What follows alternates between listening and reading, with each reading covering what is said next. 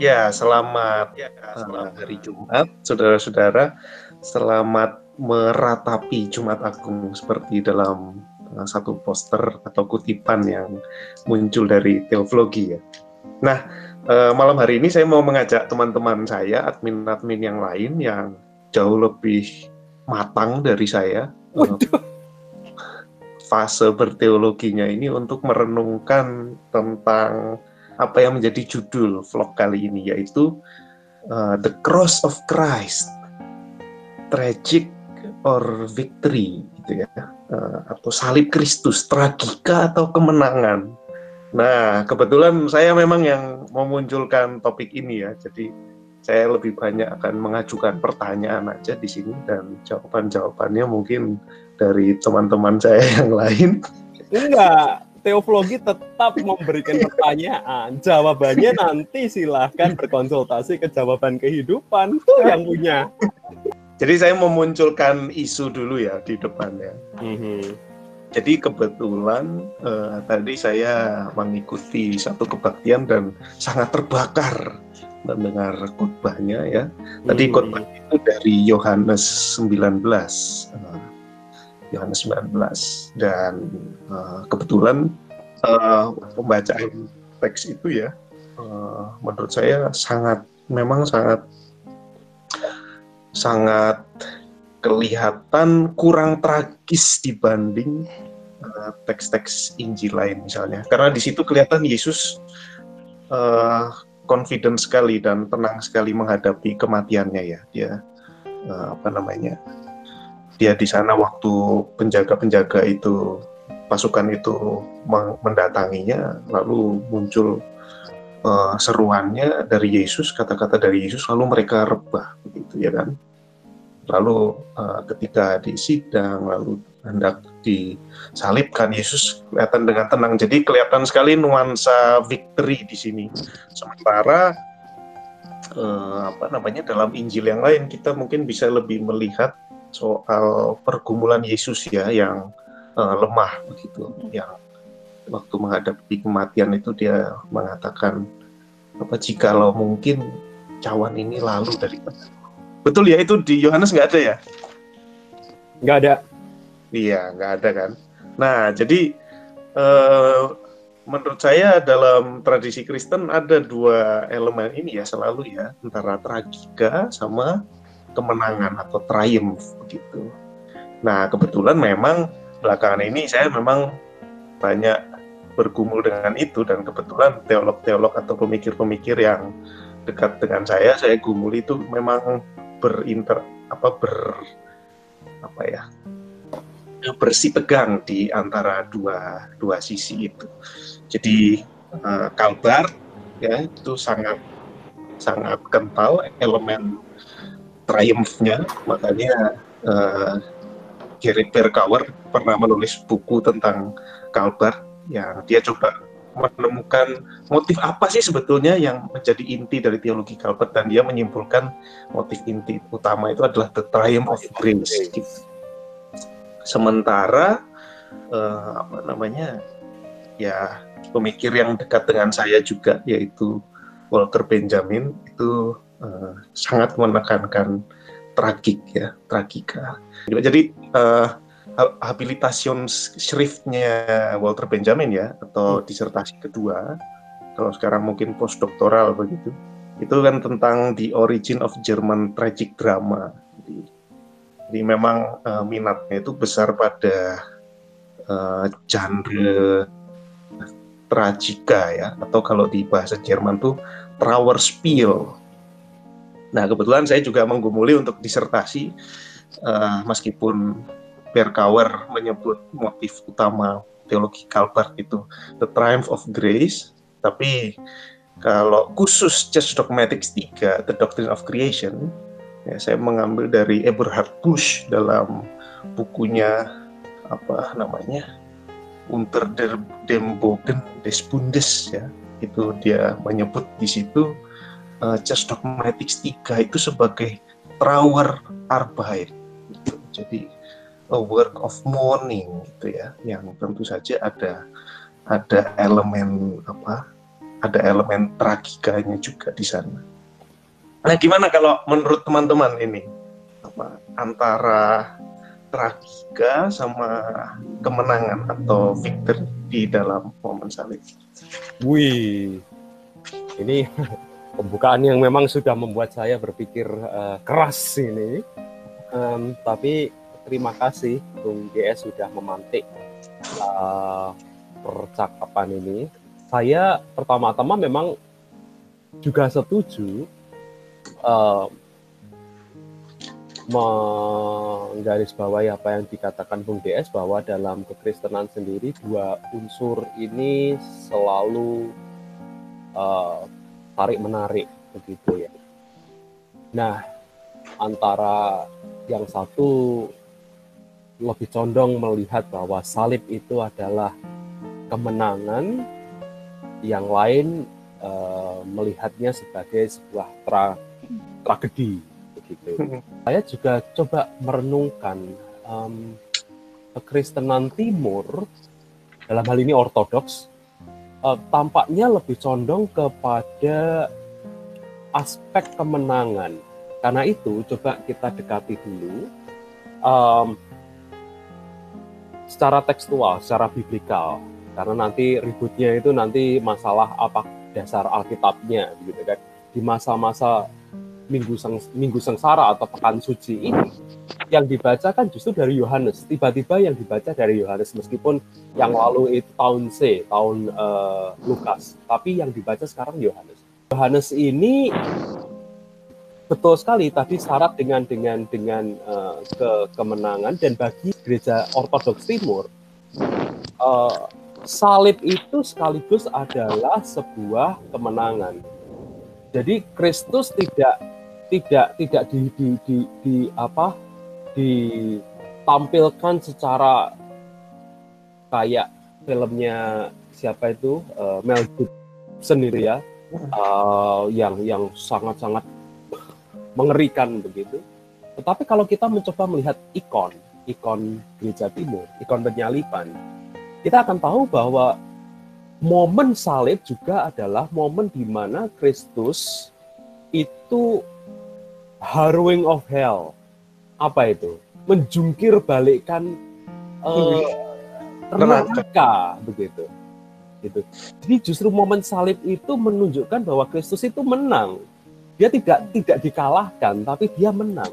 Nah, karena itu teologi uh, ortodoks juga dengan jelas mengatakan bahwa Jumat Agung itu sendiri adalah Paskah kita tidak perlu menunggu hari Paskah terjadi karena pada kematian Kristus itu Kristus sudah menang dan di situ kuasa maut, kuasa kematian itu sudah dipatahkan.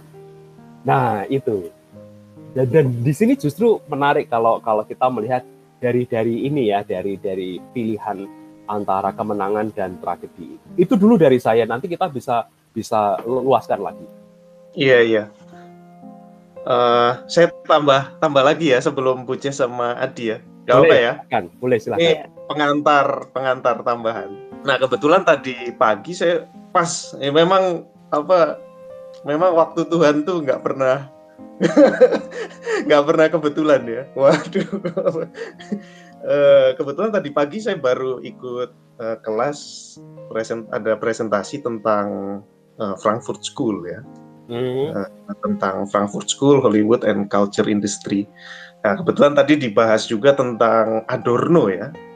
Ya, kebetulan di era itu memang baru baru mulai produksi kultur secara massal ya. Sekarang sih kita sudah biasa dengan itu. Jadi teorinya mungkin tidak terlalu baru bagi kita, tapi kritik Adorno waktu itu adalah bahwa produksi uh, art atau seni secara uh, massal itu uh, akan berujung pada pendangkalan begitu kan? Pendangkalan. Dan pendangkalan itu uh, tadi di pembicaranya kebetulan memberi contoh ya misalnya bisa kita temukan dalam film-film Hollywood gitu yang hmm. yang apa yang optimis gitu kebanyakan ya. Misalnya tadi dia kasih contoh bagaimana film Castaway yang dibintangi Tom Hanks itu ya, yang seorang yang bekerja di FedEx, lalu apa uh, terdampar di satu pulau, lalu apa ser bisa survive dan akhirnya bisa kembali lagi dalam kehidupan lamanya begitu. Yang sebetulnya nggak nggak realistis gitu ya, hmm. sering kali nggak realistis, nggak sesuai dengan kenyataan hidup. Lalu uh, apa misalnya kisah-kisah uh, yang diangkat juga yang menarik itu bagi Hollywood juga seperti film Catch Me If You Can ya Leonardo DiCaprio yang orang bisa nakal-nakal gitu ya mengganggu sistem tapi akhirnya bisa somehow direintegrasi kembali di dalamnya gitu. jadi antek FBI gitu jadi apa namanya uh, tragic ini atau genre tra tragika ini sepertinya termasuk salah satu yang uh, mulai di itu ya di apa kurang berterima begitu di dalam uh, era kapitalisme begitu. Jadi uh, menarik bagi saya kalau tadi saya baru mendengar begitu terus malamnya saya mendengar atau sorenya mendengar uh, khotbah tentang uh, kematian Kristus. Jadi saya tertarik tertarik lagi ya apa menggumuli ketegangan tragika mm -hmm. dengan, dengan kemenangan ini. Begitu. Saya pengen banyak belajar tapi belum bisa ya nggak sempet ya. Saya ter tertarik sebetulnya dengan genre tragika itu ya. Iya. Power Spill. Jadi uh, kalau kalau karya Walter Benjamin itu The Origin of German Tragic Drama itu kan dulu nggak diterima ya di habilitationnya itu dan salah satu yang menolak itu si Max Horkheimer sebetulnya. Hmm. Jadi jadi karena dianggap uh, tidak bisa diakses dengan mudah begitu. Nah, apa oh, namanya? Hmm. Dan tragika ini sangat mewarnai karya Benjamin. Gitu. Jadi kalau di dalam garis pemikiran kritis tuh Benjamin termasuk pemikir yang apa makanya bisa dibilang pesimis begitu ya pesimis, uh, melihat kehidupan. Ya. Misalnya kalau kutipan dari Marx ya di salah satu bukunya itu history is history is a, a nightmare to the living gitu. Ya. history is a nightmare to the living gitu dan uh, Benjamin juga bahwa dan itu juga yang muncul di Brecht apa ya bahwa civilization itu adalah barbarisme gitu ya. Jadi, hmm. jadi itu kan sebetulnya elemen yang yang sangat kuat juga di salib ya. Hmm. Dan kalau tadi kita munculkan kutipan uh, tentang Jurgen Moltmann, kita bisa menangkap uh, semangat yang sama. Ya sudah sudah saya. Tapi tapi menarik apa yang dikatakan Bung Bung DS membuat saya berpikir juga karena Adorno kan disertasinya di bawah Tilik. Oh iya. Iya. Uh, hmm yang membimbing disertasi Adorno itu Paul Tillich dan rasanya sih memang Paul Tillich sendiri kalau kita membaca di tulisan-tulisan uh, akhirnya dia lebih lebih ke pesimis. Akan tetapi uh, Paul Tillich sendiri mengatakan begini bahwa kalau seandainya semua tulisannya itu tidak dipakai lagi atau tidak berlaku lagi, dia tetap ingin mempertahankan satu tulisan yang dia tulis pada tahun 1927 yaitu The Demonic. Uh, apa tragika sejarah manusia itu ditampakkan dengan sedemikian rupa meskipun yang namanya demonik itu juga berasal dari unsur uh, Allahnya begitu ya tapi tapi yang dari Allah itu kemudian bisa memunculkan uh, unsur unsur demonik. Nah, akan tetapi menurut saya kemudian Paul Tillich memikirkan berpikir bersama-sama dengan Agustinus, berpikir bersama dengan uh, pemikir Agustinian seperti Bonaventura, sehingga dia mencari jawabannya dan apa jawabannya? Uh, ya rasanya dia kemudian menemukan the new being bahwa the new being itulah yang overcome uh, apa nothingness tetapi itu tidak tidak serta merta selesai begitu kan bahwa yang new being itu kemudian langsung me, me, ini me, menyelesaikan semuanya tapi hmm.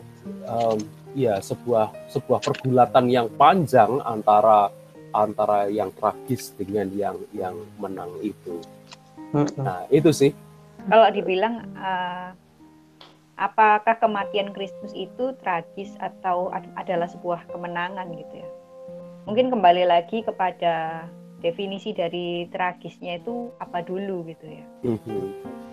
Nah kalau misalkan definisi tragis itu adalah sad ending gitu ya, ya mungkin saja. Tapi kalau menurut saya sendiri mungkin tragis itu bisa kita definisikan tragis itu adalah ketiadaan makna. Bisa nggak kita tafsirkan begitu? Tragis adalah ketiadaan makna. Nah jadi kalau apa nih namanya tragis itu didefinisikan sebagai ketiadaan makna ya kematian Kristus itu sendiri sepertinya lebih kepada victory gitu ya. Hmm. Karena kan kematian Kristus itu memberikan makna justru kepada kita semua gitu sekarang. Jadi hmm. kalau misalkan tragis itu dibawa kepada lebih ke eksistensial gitu ya.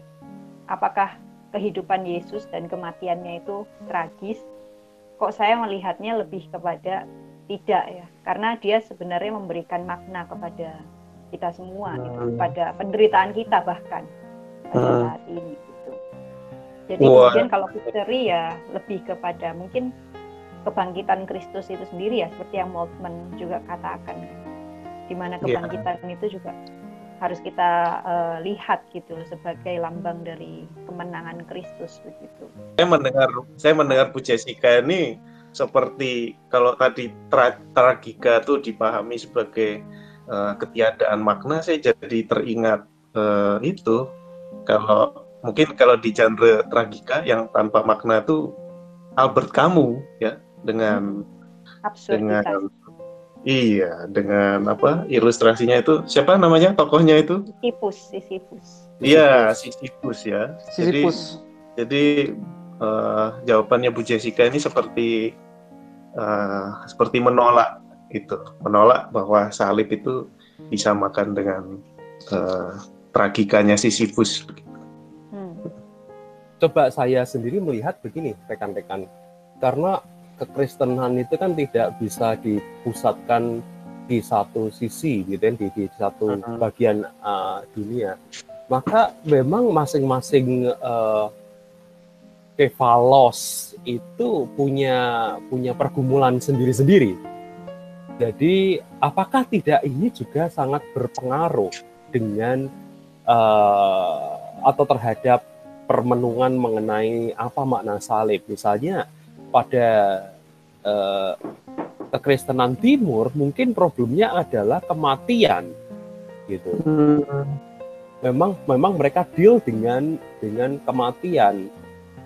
Um, sedangkan di Kristenan Barat um, problemnya mungkin lebih kepada guilt ya, personal guilt gitu. Hmm. Sehingga uh, itu menimbulkan persepsi tersendiri terhadap apa makna salib itu. Nah, ini kan menarik justru kembali lagi yang bicara mengenai teologi itu tidak berha, tidak hanya beranjak dari Alkitab bilang apa lalu kita aplikasikan dalam kehidupan sehari-hari, tetapi ada ada ada pertanyaan pertanyaan um, uh, manusia yang didasarkan pada konteks juga. Dan dari situ kan kemudian muncul uh, apakah kemudian uh, salib itu bisa dipahami sebagai entah kemenangan ataukah sebagai tragika di sisi yang lain. Itu uh, dua sense dari saya. Monggo hmm. rekan-rekan. Iya, dan di Alkitab sendiri dengan adanya narasi Lukas dan Yohanes itu mungkin apa bisa menjustifikasi uh, apa, kemungkinan dinamika uh, di antara kedua kutub ini mungkin ya. Mungkin aku ngutip juga tentang Jurgen Moltmann ya. Jadi kalau lihat itu tragedi atau victory, um, saya nggak bisa melihat tuh sebagai victory gitu. untuk melangkah ke sana itu kudu ada jalan yang panjang untuk bisa mengatakan itu victory. Hmm. Karena bagaimana bisa ada orang yang uh, nyatanya nggak bersalah, uh, tapi dia ikut menderita. Uh, dia disiksa semacamnya. Bahkan kalau ditelusuri teks-teks Injil tuh uh, seru nyatakan kesalahannya atau apa dia nggak ngomong. Hmm. eh bukan nggak ngomong dia nggak nggak nggak bi- eh, orang-orang nggak bisa nunjukin kesalahan dia tuh apa. Terus eh, itu yang saya dapatkan dari Jurgen Moltmann dan saya pikir kalau mau disambungin ke Theodise itu malah kita bisa menemukan victory-nya itu di mana dalam artian saya mau bilang gini eh, Yesus pas disalib terakhir di salib itu dia ngomong tuh Allahku Allahku ngapa engkau tinggalkan aku itu itu eh kalau menurutku senyatanya kalau aku bukan orang Kristen baca Alkitab tuh sebuah tragedi Hmm. itu sebuah tragedi yang tragedi Eh, dia sampai bilang kayak gitu dan kita bisa bilang victory itu di mana di mana tapi. Tepat di situlah kemenangan kata ketika dia bisa bertanya tentang Allah. Jadi eh untuk maknanya kemenangan tuh menurut aku kemenangan itu diawali dengan ketika kita berteodisi seperti tadi tuh. Hmm. Eh, Allahku Allahku ngapa engkau tinggalkan aku? Itu bukan mempertanyakan mempertanyakan keadaan Tuhan atau eh, penyertaan malah orang yang dekat sama Tuhan yang bisa ngomong itu Hmm. jadi tuh ada langkah awal kemenangan jadi menemukan Allah dalam penderitaan itu sendiri Hmm. jadi emang susah ngomong itu sebagai victory tapi kalau ada langkah perlahan eh, dengan pertanyaan-pertanyaan Theodise eh, saya pikir itu adalah langkah awal untuk menuju victory itu sendiri dalam kata lain saya mau bilang seperti itu Iya. Iya, ini kan saya sebetulnya mengajak explore gitu kan. Bung DS, ini juga kita mungkin bisa lebih maju begini pertanyaan.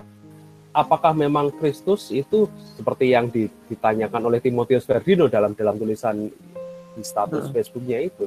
Apakah memang Kristus itu datang untuk mati? Hmm.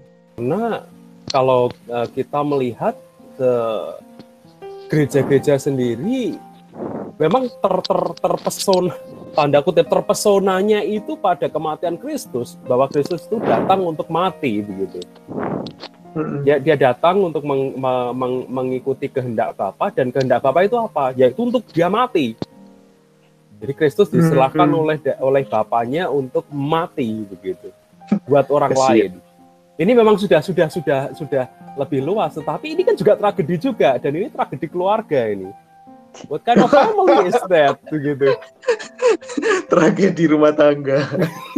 Aduh. Silahkan. Iya. Bu Jessica boleh, Bung Adi boleh, Bung DS boleh. Anda Iya. punya punya punya anak, sementara orang lain punya utang kepada Anda gitu ya udah, nak kamu mati buat dia aja, gitu, misalnya. Kalau dari saya sendiri ya coba kalau Yesus nggak mati atau kalau Kristus kita itu nggak mati nggak pernah mungkin seter- seterkenal ini gitu. Hmm. dan Yohanes juga nggak bakal nulis uh, sahabat yang baik adalah sahabat yang mau uh, mengo- mengorbankan nyawanya demi sahabat-sahabat lainnya. Nggak pernah Hmm. terus kayak gini. Itu bukan berarti misi utamanya itu untuk mati tapi untuk berkorban untuk sahabat-sahabatnya. Kalau mati menurutku nomor dua. Jadi ada apa ya ideologi yang besar tadi yang di, dibalik sebuah kematian itu dan uh, kadang kita uh, melihat Yesus datang untuk mati padahal ada ideologi atau teologi besar, pemikiran tentang Allah yang besar di balik uh, kematian itu. Yang apa nih pendapat saya? Mhm, mhm, mhm. Terima kasih. Bu Jess atau Bung DS silahkan. seperti Bonaventura dan Duns Scotus itu ya yang kemarin juga sempat saya tulis itu kan eh, sebenarnya ketetapan inkarnasi kan yang predestinasi paling awal dari Allah itu kan di mana Kristus ditetapkan untuk berinkarnasi. Ya sebetulnya eh, jadi Tuhan itu bukannya menetapkan awalnya Yesus itu datang tujuannya untuk mati, tapi kan untuk penyempurnaan ciptaan. Tetapi ada dosa gitu kan, ada dosa sehingga eh, motif inkarnasi itu bertambah satu lagi yaitu penebusan begitu. Kalau menurut yang saya tulis seperti itu ya. Jadi motifnya awalnya bukannya mati, tapi inkarnasi untuk penyempurnaan ciptaan. Lalu kemudian karena ada dosa, kemudian dia harus menebus dosa manusia gitu. Hmm. Uh, tapi kalau misalkan menurut siapa ya Abelard ya kalau nggak salah, yaitu justru hidup di dunia ini kemudian mati dengan cara tragis seperti itu itu sebenarnya moral teori ya eh, untuk memberikan untuk memberikan contoh ya buat kita memberikan teladan buat kita. Tapi ujung-ujungnya ya tetap sih semua apa yang terjadi kepada Yesus di dunia ini menurut saya ya tidak mungkin terlepas dari ketetapan Allah sih. Hmm. Iya, walaupun motifnya itu sendiri bukan bukan berarti Tuhan itu sepertinya menetapkan Yesus untuk mati begitu kan, seperti tragedi rumah tangga seperti itu kan. Ya bukan seperti itu juga gitu. Tapi apa pun yang terjadi di dunia ini, termasuk kematian Kristus menurut saya tidak mungkin terlepas dari yang namanya ketetapan Allah. Mau dari teladan kayak motifnya, mau motifnya penebusan saja atau motifnya penyempurnaan ciptaan ya tetap itu mhm. adalah tidak lepas dari ketetapan Allah menurut saya. Nah ini Wih, mah terdiam loh, ayo. Iya justru itu saya saya, saya sedang sedang merenungkan kembali lukisan lukisan. Jadi tiba-tiba yang yang yang yang ter, terpampang di di gambar saya di gambar imajinasi saya itu lukisan kesukaan Calvert uh, Matthias Grunewald. Begitu ya uh, crucifixion itu. Di situ Kristus itu tersalib dan kalau kita lihat zoom in itu uh, tubuhnya penuh dengan dengan dengan dengan uh, paku yang menancap begitu. Um, dan duri-duri yang menancapi tubuhnya. Lalu di bawah itu ada Maria dan di sisi yang lain ada Yohanes Pembaptis yang menunjuk ke uh, salib itu. Lalu di bawah salibnya kalau nggak salah ada uh, domba ya, ada anak domba. Tapi di belakang uh, di belakang latar dari salib itu yang ada adalah hitam gelap gitu. Oh iya, belakangnya gelap ya. Iya. dan Calvert mengatakan dan dan Calvert mengatakan ini adalah esensi dari teologi reformasi. Teologi reformasi. Gitu. Justru inilah uh, jantung hati teologi reformasi kata Calvert.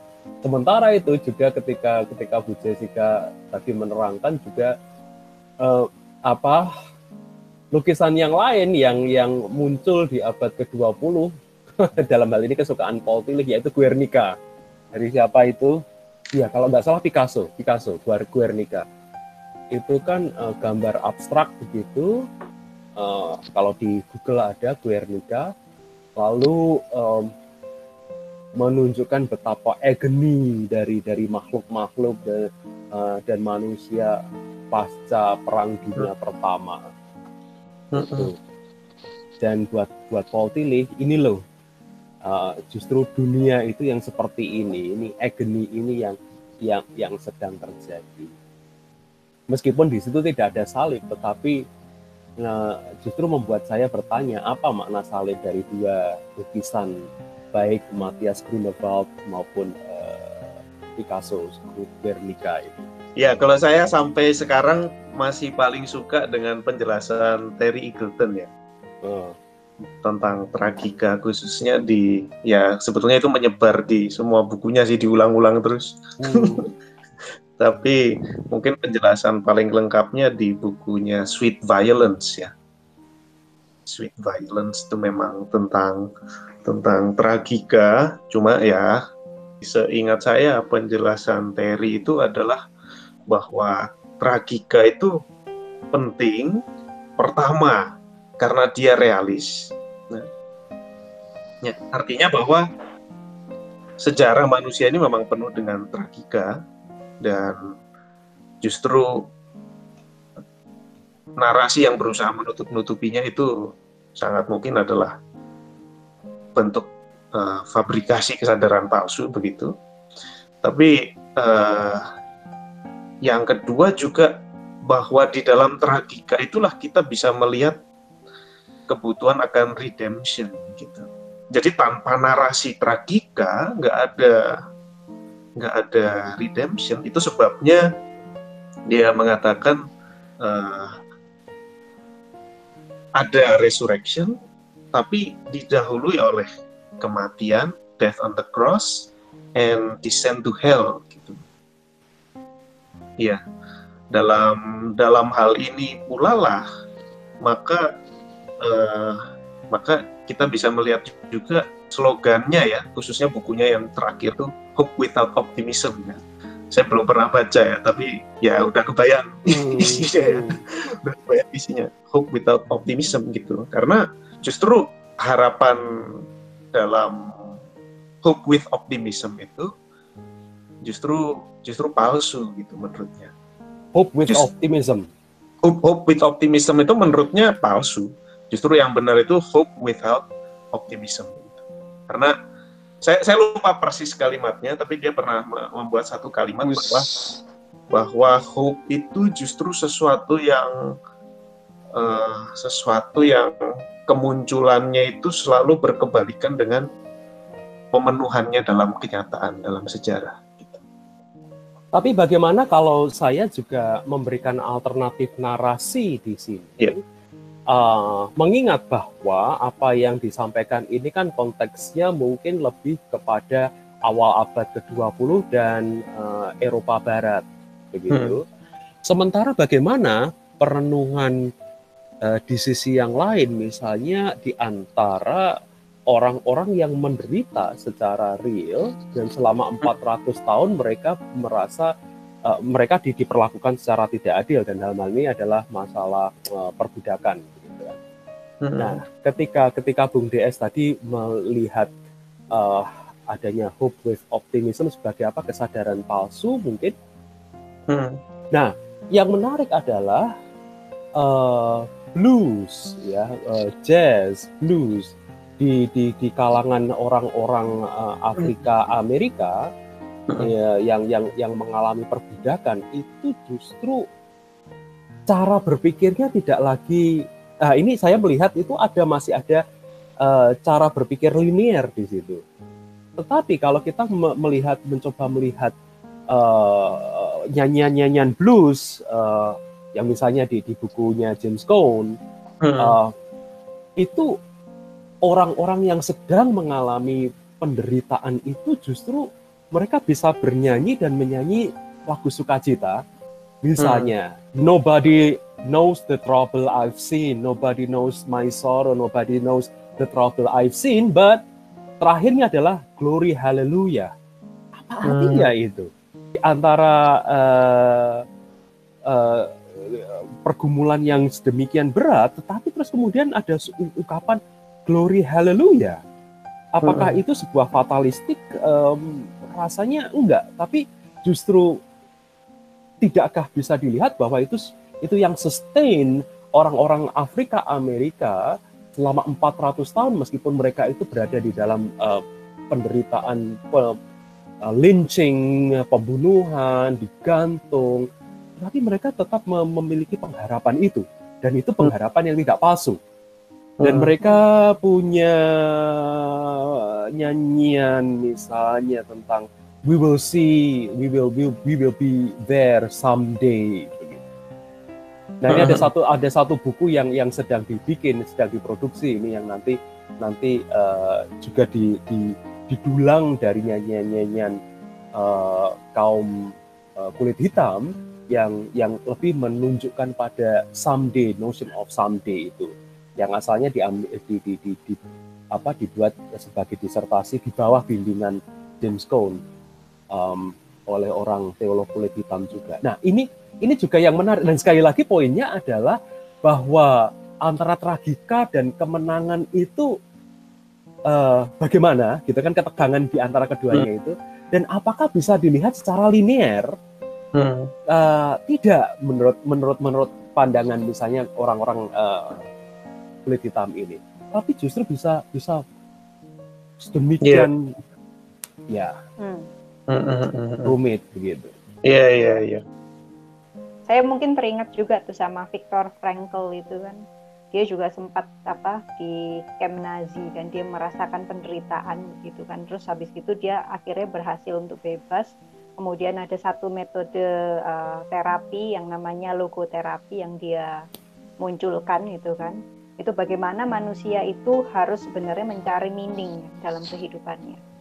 Nah, apa yang terjadi? Tadi waktu Mas Nindyo uh, menceritakan tentang perbudakan orang-orang itu bagaimana mereka masih bisa memuji Tuhan, masih bisa nyanyi-nyanyi. Sebenarnya menurut saya itu adalah salah satu salah satu uh, bagaimana mereka cara mereka untuk memaknai penderitaannya begitu. Makanya ketika tadi disebut tragic or victory, saya awalnya bilang tragic itu apa sih?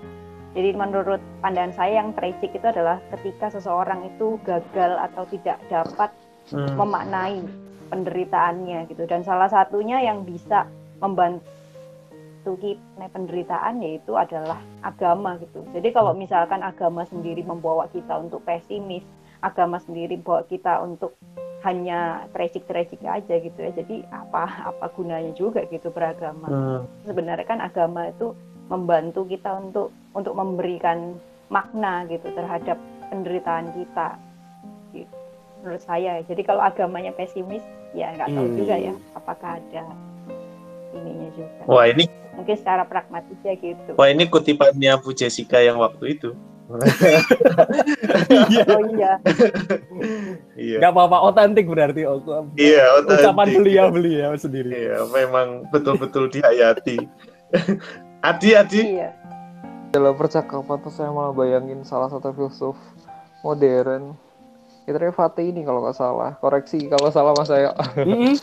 Tentang kematian Tuhan kalau nggak salah itu. Hmm. Kurang lebih dia ngomong kalau hmm. justru dalam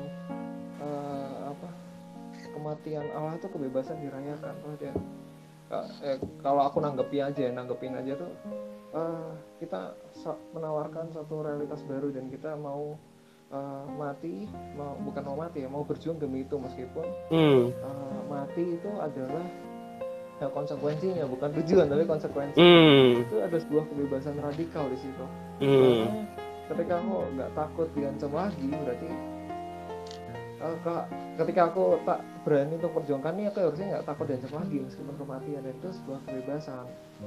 Hmm. jadi antara tragedi sama apa victory emang uh, yang bisa nentukan ini apa uh, dia sendiri dan apa ya yang orang yang datang itu dan ketika kita punya relasi yang dekat sama yang menderita itu. Nah yang salah satu contoh yang kita kumpulkan itu penderitaan Yesus kalau menurut saya ya memang susah untuk melihat itu sebuah sebagai sebuah victory tapi kalau kita lihat apa yang di misi yang dibawa terus apa dari belakang dia melakukan hal itu ya dia menawarkan sebuah realitas baru gitu.